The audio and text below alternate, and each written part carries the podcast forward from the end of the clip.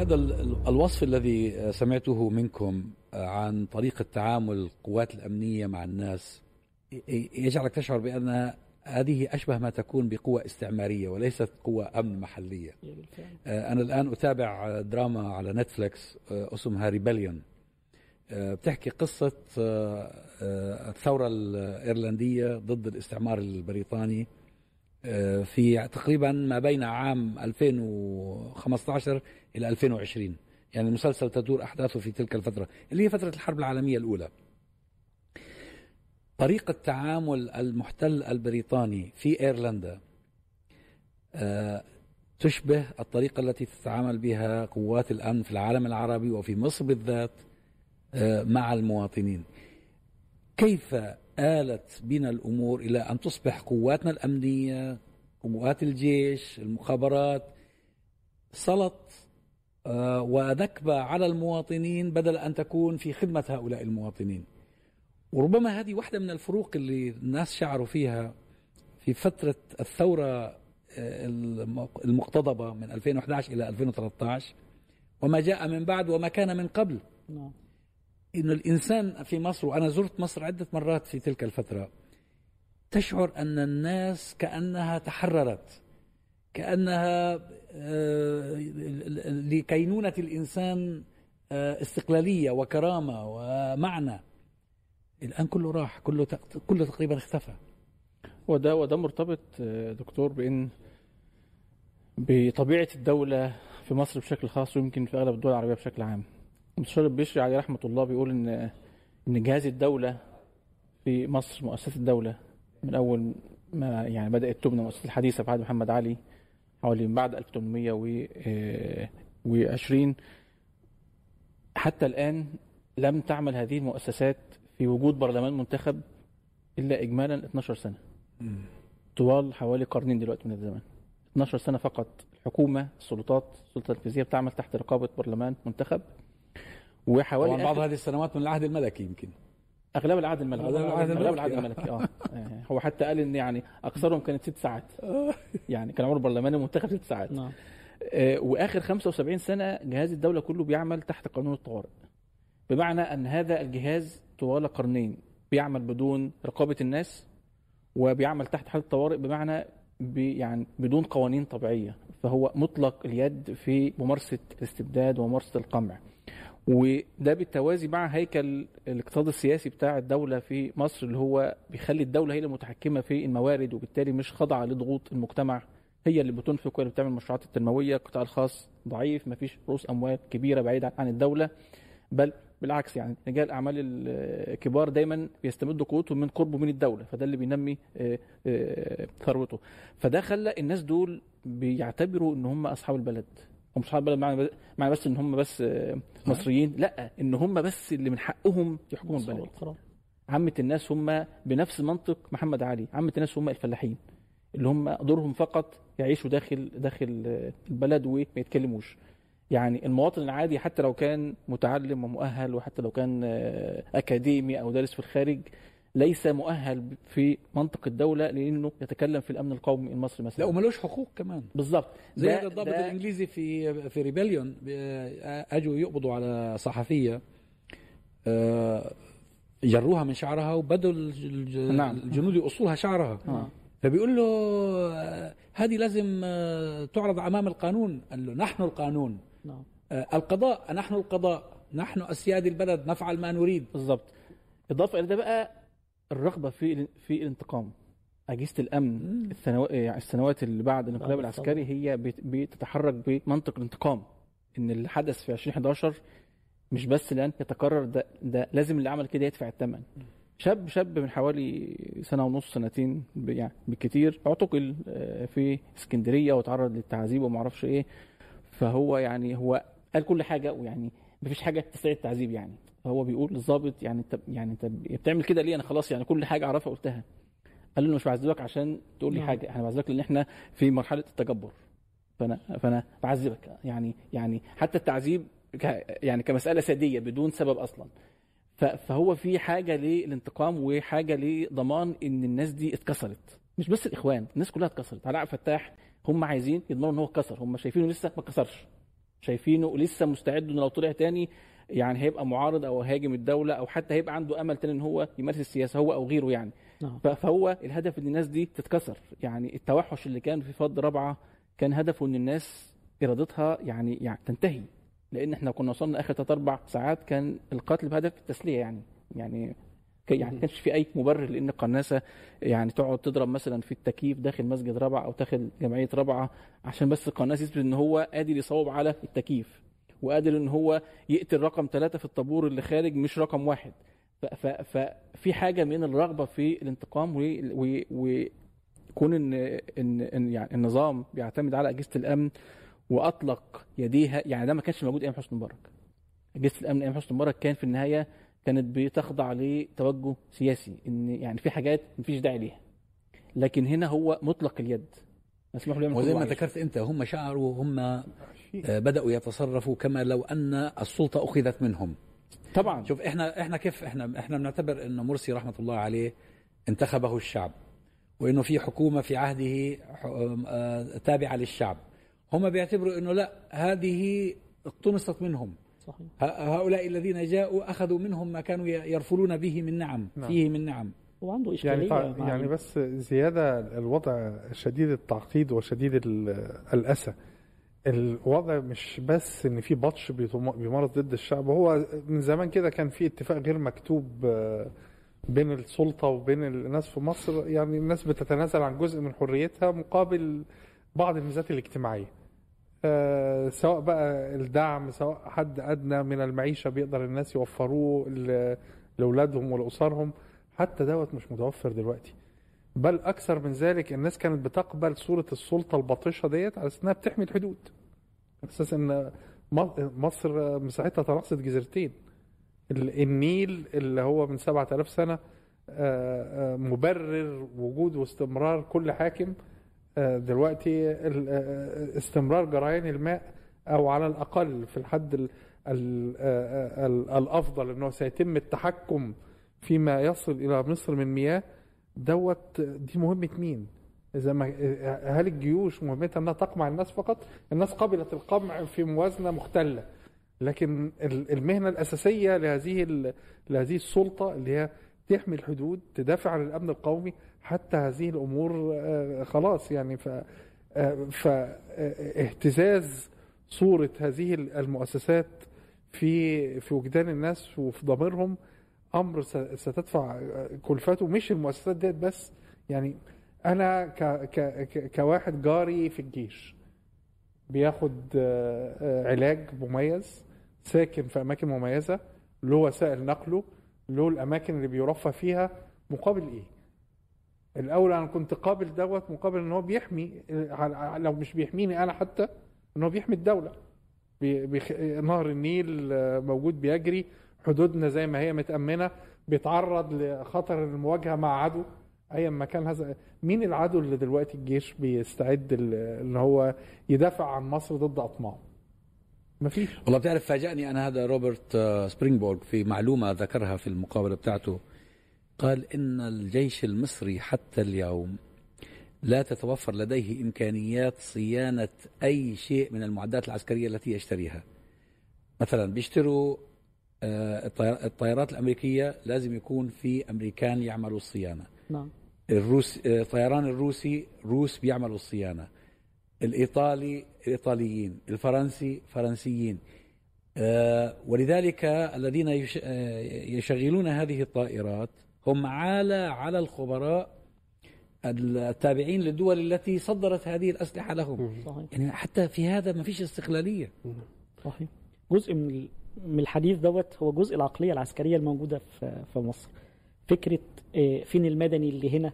فكرة إن إحنا الطبقة الأعلى اللي إحنا بنتكلم فيها آه، حتى العسكر مع بعض. يعني عايز أقول إن حتى العقلية العسكرية في تعاملها مع بعضها البعض القانون المعروف في الجيش قانون الأقدمية. يعني الضابط الأقدم شوية من حقه يعمل في الضابط الأحدث شوية يعمل فيه اللي هو عايزه. ففكره تاني إن هو حس إنه انتزعت منه السلطة في 2011 وإن هذا المدني هو غير مؤهل إن هو يقود الدولة هذا المدني غير مؤهل إن هو يحكم بلد بحجم مصر هي اللي خليته رجع تاني في 2013 بهذا المشهد. هرجع تاني وأقول إن هناك قاعدة سياسية مشهورة اسمها إن أفشل الديمقراطيات آه، هي في حالة نجاح أفضل من أفضل الدكتاتوريات يعني أيا كانت الديمقراطية الموجودة لو كانت حتى فاشلة وأنا لا أقصد طبعا السنة بتاع الدكتور موسي إنها كانت فاشلة بالعكس أنا شايف إن الراجل كان لوحده كل أجهزة الدولة ضده ومع ذلك كان وضع مصر أفضل كتير. إحنا لو بنقارن النهاردة وضع مصر بعد 2013 بأيام الدكتور مرسي في سنة 2012 لحد منتصف 2013 الوضع والفرق بين. لكن عايز أقول تاني إن هناك عقلية عسكرية مشوهة بتحكم مصر. ليس فقط آه، مع المدني الموجود لكن حتى مع العسكري. فكرة إن مفيش حد يراجعني فكرة تمام يا فندم فكرة إن مفيش حاجة اسمها قرارات آه، بتدرس أو آه، أنت دارس الكلام اللي أنت تقوله أو هو يطلع يصرح ويقول إن إحنا لو كنا مشينا ورا دراسات الجدوى ما كناش عملنا ربع اللي إحنا عملناه. فاللي أنا أقصده إن العقلية العسكرية أصلا في مصر ما بتعترفش باللي إحنا بنتكلم فيه مساحة هو في حد بيفكر سياسة في مصر؟ أنا شايف أصلا إن الكلمتين مش موجودين أصلا عند العسكر لا بيفكر ولا موجود سياسة هو في الآخر أوامر بتصدر من المؤسسة العسكرية وكل الناس الموجودين ينفذ بالأمر. عشان كده بنلاقي المشروعات اللي بتاخدها الهيئة الهندسية يقول لك مساحة الإنجاز فيها في وقت آه، قليل انجزوا لأن مفيش حد بيراجع هل الكلام دوت صحيح الكلام ده غير صحيح. في نقطة تاريخية أشير ليها مرتبطة بمداخلة حضرتك في أول فقرة اللي هي خاصة ببريطانيا وأيرلندا والحقيقة إن أجهزة الأمن في مصر تأسست على عقلية بريطانية. آه، ده كان جانب تاريخي إحنا أول جهاز أمن سياسي في مصر تأسس 1910 بعد اغتيال بطرس غالي كرئيس وزراء ولكن الهيكلة الحقيقية كانت بعد ثورة 19 الإنجليز عملوا قسم اسمه المخصوص.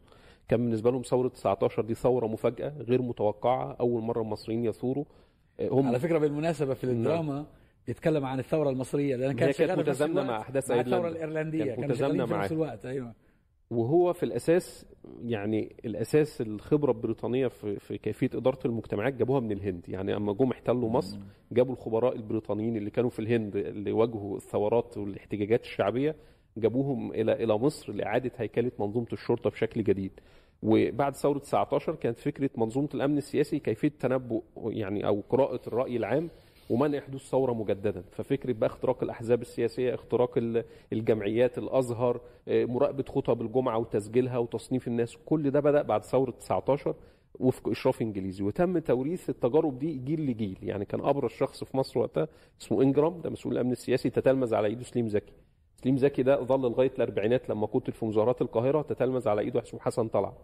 حسن طلعت ده له مذكرات من 39 ل 71 هو ده اللي كان مسؤول الأمن المباحث العامة لامن الدولة آه، وخرج في 71 في حركة التصحيح. طب تتلمذ على إيده حبيب العدلي دخل الجهاز في 65 وفؤاد علام ودول اللي تتلمذ على إيديهم الجيل الموجود حاليا. كلهم اعداء الشعب. فهي جاية كموروث تاريخي يعني بنقرا مذكراتهم وك... يعني فؤاد علام في مذكراته بيثني على حسن طلعت أستاذي وحسن طلعت بيثني على سليم زكي. اللي هم اتهموا الاخوان قتلوه بس ما كانوش هم اللي ورا ده يعني في في النصف الثاني من الأربعينات. تسليم زكي اللي, اللي, اللي تبناه كان هو إنجرام اللي, اللي جه عمل هيكلة الأمن السياسي بعد ثورة 19 فهنا ما أقصده إن هذه المؤسسات الأمنية تطورها لم يكن نابع من التطور الطبيعي للمجتمع إنما فرض من الخارج لتحقيق مصالح الدولة الاستعمارية. وبعد كده بعد مرحلة الاستعمار كان نوع من أنواع التحرر الشكلي. حتى عبد الناصر عاد هيكلة المنظومة ولكن في النهاية استعان بعد حوالي سنتين من ال 52 بنفس الضباط القدامى جابهم تاني في هذه المؤسسات. فهنا عندهم عقليه ان أي حركة تحرر وطني أي حركة يعني القوى الإسلامية باعتبارها لها منظومة مستقلة عن المنظومة الدولية بيروا فيها خطر خطر على مصالحهم. حتى في تصورهم المريض خطر على مصالح البلد. وتيجي الإشكال بقى الحقيقي اللي بعد 2013 إن هنا الإدارة ما عادتش حتى إدارة أمنية وفق المنظومة اللي زرعها الإنجليز إنما زي ما اشار بقت إدارة عسكرية. وهنا في إشكال حتى بين الشرطي وبين العسكري. الشرطي حتى منظومة الأمن السياسي لها حسبه مك... مكاسب وخسائر وتقارن وتشوف تداعيات ده والأفاق السلبية. إنما العسكري هو اعتاد على شيء. يا بيتلقى أوامر يا بينفذ أوامر. فكرة انه ان ان, إن القضية دي يقلب وجوه النظر فيها ويشوفها من أكتر من زاوية وتعالوا نتناقش ونشوف إيه الأفضل. ده في حتى عند الشرطة ده موجود إنما عند العسكر ده مش موجود. أنا بيجي لي أمر مهما كان لابد يتنفذ. طب هو لو هو مصدر سلطة هو اعتاد إنه يطلق الأمر. ما اعتادش إنه يناقش حد وإن حد يعترض وإن نشوف طب إيه الأفضل. فده بيؤدي لتكريس الفشل. حتى إن الواقع السياسي في مصر أو زي ما السيسي قال قبل كده في كلمة أنا مش سياسي. هو بيدير بمنطق بقى انتقلنا حتى الأجهزة الأمنية فرض عليها عقلية عسكرية. فهو فكرة إيه؟ أنا أتذكر مثلا كنت شغال في محطة الكهرباء بعد الانقلاب. السيسي جه في خطاب قال إن هو بيصحى 5 الصبح. فطلعوا قرار كان العمل بيبدأ من 8 ل 8 ونص إن العمل يبدأ من الساعة 7 طب الناس اللي بتيجي من قرى ومن مدن تانية يعني مثلا كان بيطلع من بيته الساعة 6 عشان يجي 8 لا بقى يطلع من بيته خمسة يعني بيصحى أربعة ونص فالناس بقت بتيجي نايمة على نفسها. هيبقى أحسن من حتى قعدوا كده كام شهر وبعد كده لغوه. طب هو القصة دي كلها ليه؟ لأنه قال إنه بيصحى في المعسكر الساعة خمسة يبقى لازم الناس تصحى بدري. تمام؟ عن مواعيدها العادية. حتى لو بيصلي الفجر بتريح. هم عام هنا الشعب حق, حق التجارب. بالضبط. هنا هنا العقلية بقى إنه هيجي يعملها آه. بعقل كل حاجة. بعقلية الجيش.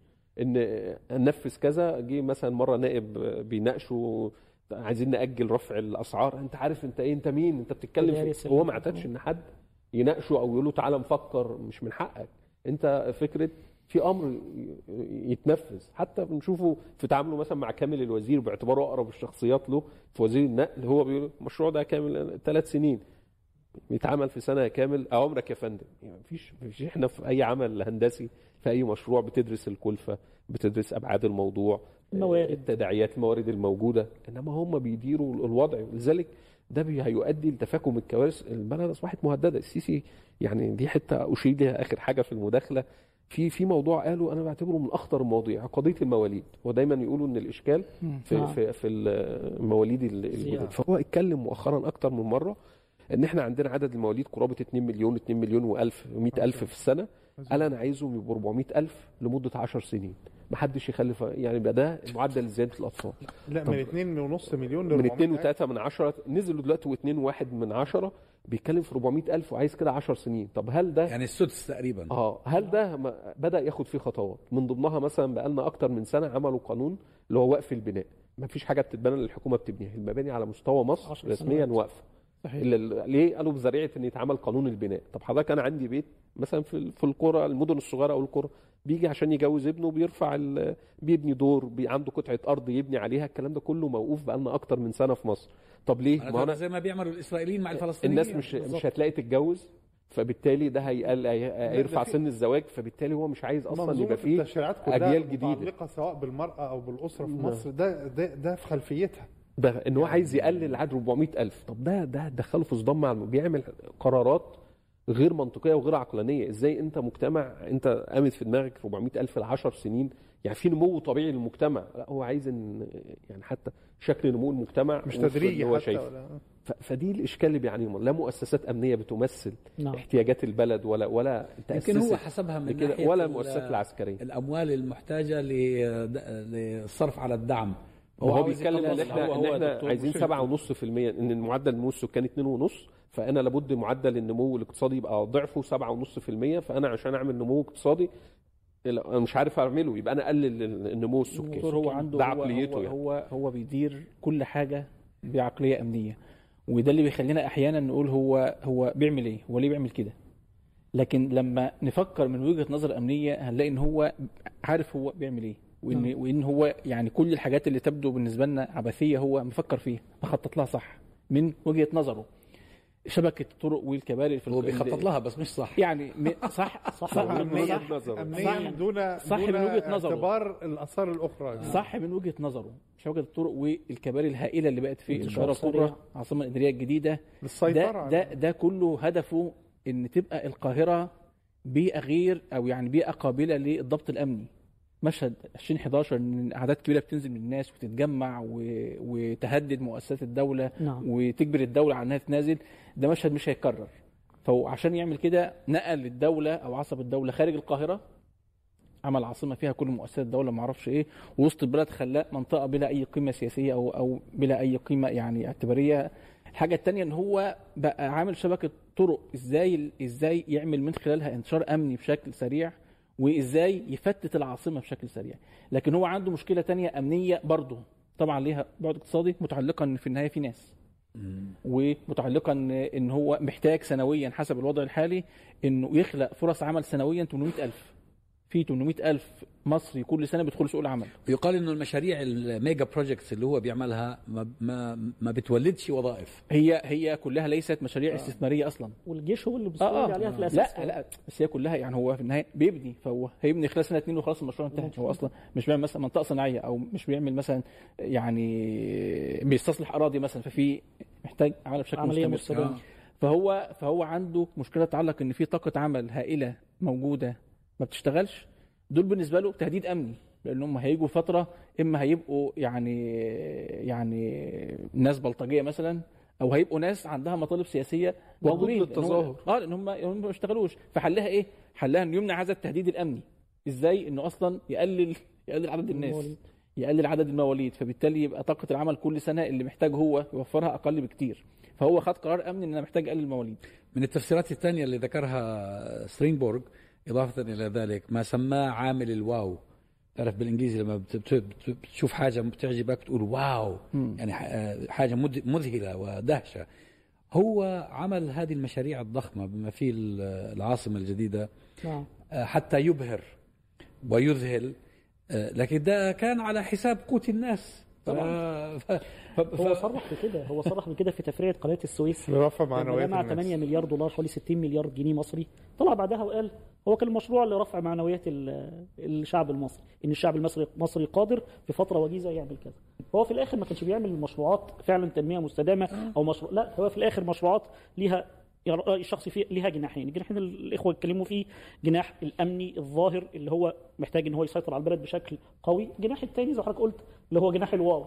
أنا قادر إن أنا أعمل اللي هي دي مسميها مرحلة الوعود. أنا قادر إن أنا أعمل هعمل مصر جديدة 2020 هتشوفوا مصر مختلفة. وفي الآخر كل الكلام ده لأنه مش مدروس ومنطلق من عقلية أمنية أو من عقلية عسكرية كل الكلام ده فشل النهارده. آه. ستراتفورد عاملين دراسة آه، أعتقد إنها مهمة اسمها Geopolitics of Egypt الجغرافيا السياسيه لمصر. نشروها بعد الانقلاب بحوالي سنة تقريبا. بادئين هم من أيام الملك مينا. يعني هم بيحكوا قصة نعم. مصر من وجهة نظر الجغرافيا السياسية من أيام الملك مينا. يعني مواطن ضعف البلد ومواطن يعني قوتها 7000 سنة؟ آه. فعليا. ويعني غطوها بشكل الحقيقة مذهل يعني. فمن ضمن الحاجات اللي تستدعي الانتباه اللي هم قالوها ان إن الفترة اللي اللي, اللي أعقبت توحيد القطرين في مصر الملك مينا موحد الشمال مع الجنوب وأصبحت مصر موحدة. بدأ بعدها يعني عصر قوة قوة على المستوى التقني بمعايير هذا الوقت وبالتالي بقى في جيش قوي وبدأ يوصل ل يعني بدأ يغزو يعني خارج حدود مصر إلى آخر هذا. فبيقولوا إن إن وصلوا لمرحلة لما بدأ ملوك الفراعنة يضعفوا وبالتالي بدأت قوة مصر التقنية وبالتالي جيشها يضعف. ده تزامن مع نفس عصر بناء الأهرامات. فبيقولوا ان إن يعني كان في نفس الوقت اللي كان الفراعنة أو يعني ملوك الفراعنة بيبنوا الأهرامات ويعني بينسجوا المشهد الأسطوري اللي إحنا كلنا متخيلينه عن الحضارة الفرعونية. ده كان في نفس الوقت هو عصر الانحطاط التكنولوجي لمصر الفرعونية واللي أعقبوا ضعفها العسكري اللي نتج عنه إن الهكسوس جم واحتلوا البلد رغم إن هم كانوا قبائل يعني بالنسبة لنا قبائل بدو يعني. فأنا قصدي إن هو هنا المفارقة يعني ما هو كانتش في اوج التقدم كانت بالضبط. في كانت في, في عز بالضبط. الانحدار هذا. هذا يعني هذا الإعجاز العمراني كان في عصر انحطاط مش في عصر إن مصر صاعده يعني آه يعني هو عمله لأنه بده يغطي على الانحطاط آه فهو نفس المنطق وعلى الوقت عامل أعلى برج في أفريقيا مثلا وما نعم. أعرفش وأكبر وأضخم. وحاجات يعني كلها صيغ مبالغة لكنها في النهاية كلها يعني لا لا تعكس واقع البلد لا اقتصاديا ولا تكنولوجيا ولا أي شيء على فكرة الكلام اللي آه، ذكرته أحمد عن آه، كيف آه، تكونت الأجهزة الأمنية. المصريين فيما بعد نقلوها للدول العربية. يعني هم للأسف. ينسب إليهم الفضل خاصة في دول الخليج وفي الإمارات بالذات إنه ضباط من العهد الناصري هم اللي راحوا وشكلوا الأجهزة وإلى الأمنية. الان يعني إلى الآن ال- هذه نفس السنة العقلية. السيئة بتتكرر يعني. آه نفس العقلية. وهي ال- ال- الشيء المؤسف إن هؤلاء الناس في تعاملهم يعطون الانطباع أنهم لا ينتمون إلى هذا الشعب. لا ينتمون إلى هذه الأمة. لا, لا يعني لا يبالون بكرامة الناس ولا بحقوقهم. دي لخصها أمين الشرطة اللي بيقول للضابط في الفيديو اللي أثناء آه، ثورة يناير الشعب ركب يا باشا. فهم كانوا شايفين 25 يناير إن إن الشعب مش حد غير الشعب ولا جزء من الشعب ولا فصيل سياسي. نسيبك بقى بعد كده الخطاب اللي تبنوه بحيث يحققوا مكاسب سياسية. لا هم كانوا شايفين إن الشعب ركب. وإن البلد آه، رجعت لإيه؟ لأهلها والناسها يعني. لا هم هم أرادوا أن يبرروا الانقضاض على الشعب وعلى نعم. حقه في الاختيار. ولا يستطيع يقول إن أنا عاوز أنتزع السلطة من الشعب لكن يستطيع إن هو يقول إن أنا عاوز آخذ السلطة من الإخوان. وأردها للشعب يقدر يقول كده. نعم. إنما ما يقدرش يقول لا ده الشعب ركب فأنا إيه؟ عاوز اسلبه السلطة. له هو الآن بيدعي إنه هو أنقذ الشعب من الإخوان. نعم. يعني هم في المقالات اللي بتقرأها هذه الأيام اللي حصل ب 30 يونيو بيسموه ثورة. ما هو ده ده ما ده دليل افلاس دليل إفلاس لأنه مش لاقي شيء يقوله أيوة. للمواطن. مش لاقي مش لاقي يقول له إن أنا زودت مرتبك. مش لاقي صحيح. يقول له إن أنا وفرت لك سلع مش لاقي يقول له إن التعليم مستواه اتحسن إن الصحة الإنفاق عليها زاد. من 2013 ظل الإنفاق على الصحة نسبة الإنفاق على الصحة من الموازنه العامة ينخفض سنويا لغاية خمس سنوات. في 2018 مع كورونا بدأ يرتفع ارتفاعات طفيفة لكنه ما رجعش للنسبة اللي كان عليها لا في 2013 وقت قيام الانقلاب ولا في التزام بالنسبة اللي نص عليها فيما آه، يطلقون عليه دستور 2014 فهو مش لاقي شيء يقول إن هو قدمه للناس. صحيح. فلازم يخلق عدو متوهم ويقول إن أنا حميكم منه. زي زي الأم اللي هي بتيجي تخوف عيالها هتنام ولا. فهو برضه هتسكت يا شعب ولا العو يجي لك. حتى هذه النبرة تراجعت كتير قصدي المجتمع ما بقاش قابلها زي الأول. يعني في 2013 مع آلة الحشد الإعلامي مع الناس الموجودة في الشارع آه، أجهزة المخابرات اللي كانت منتشرة في وسط المجتمع. كان فعلا في عند الناس أو بعض الناس تخوف ده. لكن هو حتى النهارده هذا الخطاب ما أصبحش يعني بيستهوي بيستهوي الناس أو بيسمعوا ليه. هو النهارده الراجل أنت اقعد قول لي أنا أنقذتك أنقذتك وأنا شايف بعناية الوضع الاقتصادي المتردي. شايف بعناية النهارده لتر البنزين وصل لكام؟ العيش اللي الدعم بيترفع عنه وصل لكام؟ المرتبات في ظل ارتفاع سعر الدولار في مصر بقت ملهاش قيمة. فكل ده ما يخليهوش قصدي يعني الناس مش ليست بهذه السذاجة. اطلع انت صح انت فاشل على كل المستويات اقتصادي وأمني وحتى العسكري وفي الآخر قول للناس أنا حميتك من كذا ومن كذا. تقبل الناس لهذه الفكرة ظني الشخصي إن هي بقتش موجودة زي الأول. وكذلك الواقع هو داخل في يعني كل مرحلة بيدخل في صدام مع شرائح جديدة من المجتمع. يعني إحنا مثلا في ظل أزمة القمح الأخيرة اللي هي يعني سياسات الدولة مرتبطة بيها في عهد الدكتور مرسي كان في توجه لزيادة نسبة الاكتفاء الذاتي من القمح وتم التخلي عنها. فجي في ظل الأزمة الأخيرة عملوا شوية قرارات منها إن لازم كل فلاح يورد يورد 12 ارداب الارداب ده 150 كيلو. يعني قرابة 60% من إنتاج الفدان لازم يورده للحكومة. والحكومة بتشتريه بما يعادل لو حسبنا بالدولار 280 دولار. في حين مصر بتستورد القمح من الهند كأرخص قمح مع سعر الشحن بيوصلوا 430 من الدول روسيا وكذا بيدخل في في إطار 500 الشهر اللي فات. الشهر ده نزل شوية. الشاهد يعني بيدوا للفلاح نص السعر اللي بيشتري نعم. فيه من آه آه طبعًا بيشتري في الفلاح ما بيشتريش بيه بالسعر العالمي. حرامية يعني بيشتري بالسعر واكبر إن 12 إرداب لازم توردهم وإذا ما وردتوش هيعمل له بلاغ جنحة ممكن مدة السجن عليه. تتراوح تصل لثلاث سنوات حبس. فضلا عن غرامة إنه يدفع ضعف ثمن كل إرداب لم يورده. نعم. كل ضعف إرداب لم يورده يدفعه ويحرم من السماد ومن الدعم التمويني طب عملوا الكلام ده. طبعا آه، كان هم عايزين يجمعوا 6 مليون طن وما كل سنة بيجمعوا 3 ونص. قالوا السنة دي عايزين 6 مليون. لغاية دلوقتي يعني أكبر تقدير إن هم جمعوا 4 مليون آه، طن إلى الآن. ولكن لسه علي مصلحي وزير التموين طلع من اليومين قال يا جماعة إحنا لابد ان إحنا نفرق نعم. يعني بين الفلاحين اصحاب الحيازات الواسعة واصحاب الحيازات الضيقة القليلة يعني لأن مش هينفع نطبق العقوبات دي ليه؟ هو لقى نفسه هيحبس كل الفلاحين في شريحة مع الفلاحين. طيب خد بقى الفلاح ودفعه ما هو مش هيزرع السنة الجاية. مين اللي هيورد لك السنة الجاية قمح؟ الناس مش هيقول لك مش زارع هتبقى بالنسبة لي بخسارة. في ظل ارتفاع أسعار الأعلاف وكده بالنسبة للفلاح إنه يأكل القمح والحاجات دي للحيوانات أفضل له من إن هو يوردها للحكومة. الشاهد إن طيب في قصة بقى لها كام يوم ليه عوامات النيل بتاعة نعم. الكتكات. دي طبقة نعم. تانية من المجتمع. آه. طلع قرار إن خلاص العوامات دي مخالفة. أسبوع. اخلوا وامشوا. وغرامه إن أنت آه، رصف اللي بقى له 40 سنة موجود في المكان وبيته وكذا لا خلاص إن ده بقى ممنوع. يلا إيه اخلي المكان. فهو كل يوم والتاني بيدخل في صراعات وفي صدامات مع شرائح جديدة من المجتمع. أنا في ظني إن ده هيوصل الواقع لمرحلة انفجار.